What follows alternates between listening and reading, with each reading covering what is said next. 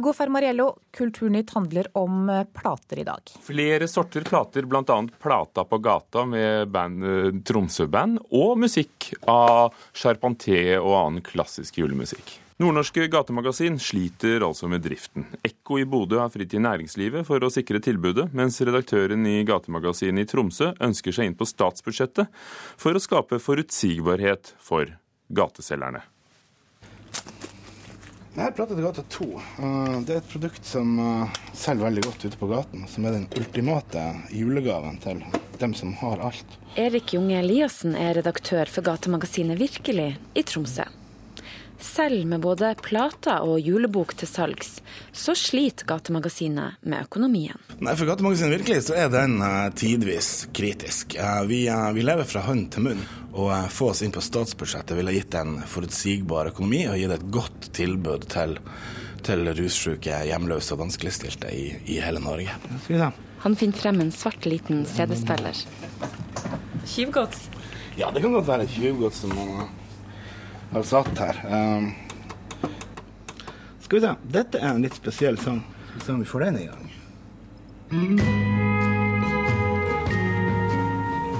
Jeg kan åpne døra for deg. Vær så god. Roger er selger. Det er litt rotete rett innafor døra. Det står, uh, det står uh, ankommet en del esker ut av uh, siste utgave av juleboka. Hva betyr det for deg å komme inn her? Ja, Det betyr et trygghet. Trygghet? Ja. Det hjelper å få her. Også det andre gatemagasinet i Nord-Norge, Ekko i Bodø, har inntil nylig slitt tungt økonomisk. Det var så dramatisk at, at vi overveide å slå oss konkurs. Men nå er Ekko redda av næringslivet. Redaktør Ole Martin Larsen mener at denne formen for rusomsorg helst burde vært en offentlig oppgave. Og det er folk som har vært vant til å krype langs med husmurene og vært vant til å bli sett ned på. Og nå kan de stille seg opp som selgere av et produkt og tjene helt ærlige penger. Jaha, det er veldig viktig for meg å ha en jobb. Jeg trenger, jeg, trenger, jeg trenger, å ha noe å gjøre for å komme meg gjennom dagene, og at dagene ikke blir så lange. Jeg trenger inntekt òg, og um, jeg trenger sosialt samvær. For å hjelpe flere som Roger, og kanskje utvide nordover, lobber Eliassen videre for å komme inn på statsbudsjettet. Det ville ha gitt denne bevegelsen en forutsigbarhet som på sikt ville spart samfunnet for enorme summer. Um, Grunnen til at vi kanskje allerede ikke er der, er at norsk gatemagasinbevegelse er bare sju år gammel, og vi har ikke noe forskning på at dette virker. Men vi vet at dette virker. I Trondheim så støtter daglig leder for Sorgenfri Tromsø redaktøren. Men i Stavanger så sier daglig leder for Asfalt at de klarer seg godt uten offentlig støtte. Og daglig leder for Erlikstiftelsen i Oslo, Ann-Lov Mathisen, er skeptisk til forslaget. Ja, den er nøyaktig like usikker som å tigge til næringslivet. At man når som helst så kan miste den støtta, og så plutselig har man et kjempestort problem som man egentlig burde styrt unna. Altså 99 av 100 gatemagasiner i dag internasjonalt får aldri utvikla seg fordi de driver for smått, for idealister og for basert på offentlig støtte. Hvor du skal gå hen nå? Bare kafeer, puber. Ja Det hjelper jo å kle seg litt i farger, jeg merker. At man ordner seg litt, og at man ser litt ordentlig ut. Og så hjelper det men den burde jo egentlig hjelpe folk som ikke klarer å stelle seg sånn også, og så det burde egentlig ikke være sånn. Men, men eh, det, det, er faktisk litt sånn. Og reporter i Tromsø var Karoline eh, Rugeldal, og låten vi hørte i saken er 'Jellyman', laget av Tromsø-bandet Violet Road for Plata til gata, som gateselgerne i Tromsø selger for tiden. USA, Storbritannia og flere vestlige regjeringer sier de ikke vil undertegne den nye internasjonale avtalen om telekommunikasjon, slik den er foreslått nå. Forhandlingene har foregått i Dubai, der medlemslandene i FNs telekommunikasjonsorganisasjon skal komme frem til den første nye teleavtalen siden 80-tallet, altså fra før internett. For en annen gruppe land, som vi tidligere har hørt i Kulturnytt, med Russland og Kina i spissen, vil gjerne ha strengere kontroll med internett. Så foreløpig ingen ny avtale. Kinas største engelskspråklige avis, China Daily, lanserer en afrikansk utgave i dag. Det blir en ukeavis som gis ut i Kenyas hovedstad Nairobi, og skal distribueres over hele kontinentet, melder BBC. Avisen sier selv at deres mål er å utforske de stadig dypere båndene mellom Kina og Afrika. Og Edvard Munch-utstillingen 'Angst' setter besøksrekord ved Århus kunstmuseum i Danmark, skriver Aftenposten. Museet anslår at eh, besøkstallet vil komme opp i 250 000. Vanligvis er det rundt 140 000 i Århus. Museumsdirektøren er naturligvis fornøyd og slår fast at Munchs kunst har veldig høy identifikasjonsgrad hos publikum. Munch treffer rett inn i den nordiske sjelen.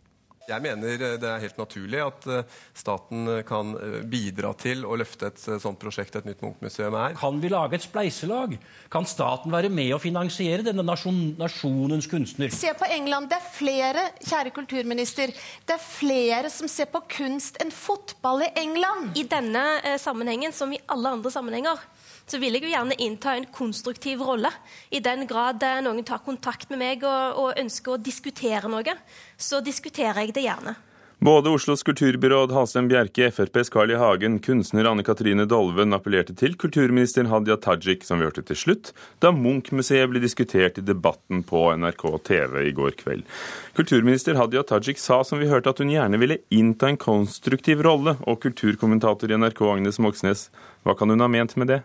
Jeg tror hun mener at hun har lyst til å spille en konstruktiv rolle, men jeg tror at det er lettere sagt enn eh, gjort. Hadia Tajik er en kulturminister som utgår fra Arbeiderpartiet, enda til fra Oslo Arbeiderparti. Og det er jo et parti som hele veien har ett har hatt ett mål for øye, og det er at eh, Munch-museet fortsatt skal ligge på Tøyen, der det ligger i dag, og at man skal bruke et nytt, eh, nytt museum til å ruste opp en fin, gammel eh, bydel. Så hvis kulturministeren skulle spilt en konstruktiv rolle, så måtte hun rett og slett gått mot sitt eget parti, Oslo Arbeiderparti, og det enda til i en nominasjonstid hvor jo Hadia Tajik er nå på tredjeplass på lista fra Oslo Arbeiderparti. Så jeg tror nok at situasjonen hadde vært en helt annen hvis eh, byrådet i eh, Oslo hadde utgått fra Arbeiderpartiet. Du så debatten, og hva synes du? Kom det noe nytt ut? Nei, den, den, viste vel med all tydelighet at det er mange låste dører i denne debatten, og at den er totalt eh, fastlåst. Eh, det eneste altså, Og jeg så jo også på reaksjonene som kom, at folk syns at dette er en utrolig intern Oslo-debatt. En klassisk eh, lokaliseringsdebatt med, hvor man diskuterer om et nytt museum skal ligge nede ved sjøen, eller om det skal ligge i bakkene innenfor. Men det var et par ting som kom frem som var av interesse. Det ene er at Hadia Tajik sa at uh, i februar så skal man uh, offentliggjøre hva regjeringen uh, egentlig, eller staten, vil bruke Tullinløkka, altså der Nasjonalgalleriet ligger nå, til. Og det, Dermed så kommer det jo et svar på et spørsmål som har vært debattert siden begynnelsen av 70-tallet. Så det er interessant, også i lokaliseringsdebatten om Munch. Og så for de som er spesielt inne i denne Munch-museumsdebatten, så sa jo da Arbeiderpartiets Libe Riiber Moen at hun syns, antydet at hun syns at Bjørvika også var greit, men hun bare syntes at tomten der nede var litt for liten. Så intet er klart? Nei, absolutt ikke. Agnes Moxnes, takk. Men først om eh, håndverk, for i dag åpner et nytt Ekonomuseet som det heter, hos familiebedriften Tønnegarden i Fusa i Hordaland. Ordningen stammer fra Quebec i Canada, og skal få gamle håndverksbedrifter som er i ferd med å dø ut, til å drive nysatsing og åpne dørene for publikum. Hordaland fylke har fem ekonomuseebedrifter, og flere ønsker å bli med i ordningen. Ei ny tretønne blir til hos Tønnegarden på Samnøy i Fusa. Helt siden 1800-tallet har de laga sildetønner på tradisjonelt vis. Nå vil familiebedrifter ta steget inn i en ny tid og bli såkalla ekonomusé, forteller Jostein Gangstø, som er fjerde generasjons tønnemaker. Det er jo at jeg tar vare på faget og tradisjonen og kulturen. Det, er jo, det holder jo på å dø ut. Så hvis ingen gjør noe med det, så vil det forsvinne. Ekonomuseordninga starta i den fransktalende delen av Canada for å hjelpe tradisjonelle håndverksbedrifter å overleve. Bedriftene får drahjelp til markedsføring og nyskaping, samtidig som at de blir tilrettelagt for at publikum skal kunne komme og se det gamle håndverket i bruk. Vi har nesten ikke håndverksbedrifter igjen i Norge, og det er litt skremmende. Det sier seniorrådgiver Terje Inderhaug. Hordaland fylkeskommune har stått i bresjen for Ekonomuseprogrammet her i Norge. Åtte land er med i nettverket, som får sin hovedfinansiering fra EU. og nå har flere fylker her i landet planer om å bli med. Det er også meldt seg nå interesse fra Telemark og Nord-Trøndelag osv. Det er først og fremst håndverkerne som oppdager dette her og får lyst til å være med. da. Aurland skofabrikk ble i 2009 første ekonommuseum i Europa. Siste året har de økt omsetnaden med 140 mye takket være Ekonomuseet-programmet, sier daglig leder Geirfinn Lysne. Det hele starta med Ekonomuseet-prosjektet, og at eh, det ble et nytt liv inn i dette. En vitalitet som vi har hatt bruk for hele veien. Jostein Gangstø gleder seg til å åpne dørene til Tønnegarden. Det er kjekt å få litt folk inn på tunet og, og formidle faget og kunnskapen om dette gamle håndverket. Og reporter på Tønnegarden i Fusa i Hordaland var Turid eh, Rogne. Den tyrkiske journalisten Tønshay Øskan, som støttes av Norsk Journalistlag, ble i går stilt for retten i Istanbul. Sammen med mange kolleger er Øskan anklaget for å være medlem av Ergenekon, som myndighetene kaller en terroristorganisasjon, men som ifølge Norsk Journalistlag bare er noe det sittende politiske regimet i Tyrkia har funnet på for å bli kvitt sine kritikere. Tyrkia er også det landet med flest journalister som sitter i fengsel. Øskan selv har sittet bak murene i over fire år. Og Sefan, eh, Sefan Martin Jurukel, du er sosialantropolog fra Tyrkia og bl.a. forsket på ditt hjemland. Hvem er Tunjay Øskan? Tunjay Øskan er en velkjent journalist og veldig profesjonell Eh, journalistikk han har gjort. det. Han var eh, programleder i sitt eget eh, TV mange år, og så journalist i den største dagbladet, Hurriyet mange år. Til sammen så sitter det altså, her varierer tallene litt. Ifølge Norsk Journalistlag 76 journalister i fengsel i Tyrkia. Ifølge Committee to Protect Journalists fikk nye tall denne uken, de sier 49. Men i hvert fall flere enn i noe annet land i verden. Hva skal til for en journalist å bli fengslet i Tyrkia? Det, det er liksom Tunjay Øskans eksempel. Hvis du kritiserer den nåværende regjeringspolitikk, eller regjeringsmedlemmenes økonomiske økonomiske gode og deres korrupte uh, systemer. Og familie, uh, hvordan de er involvert forskjellige typer uh, økonomiske ting. Og også hvordan du kritiserer deres måte å utøve islam inni Tyrkia.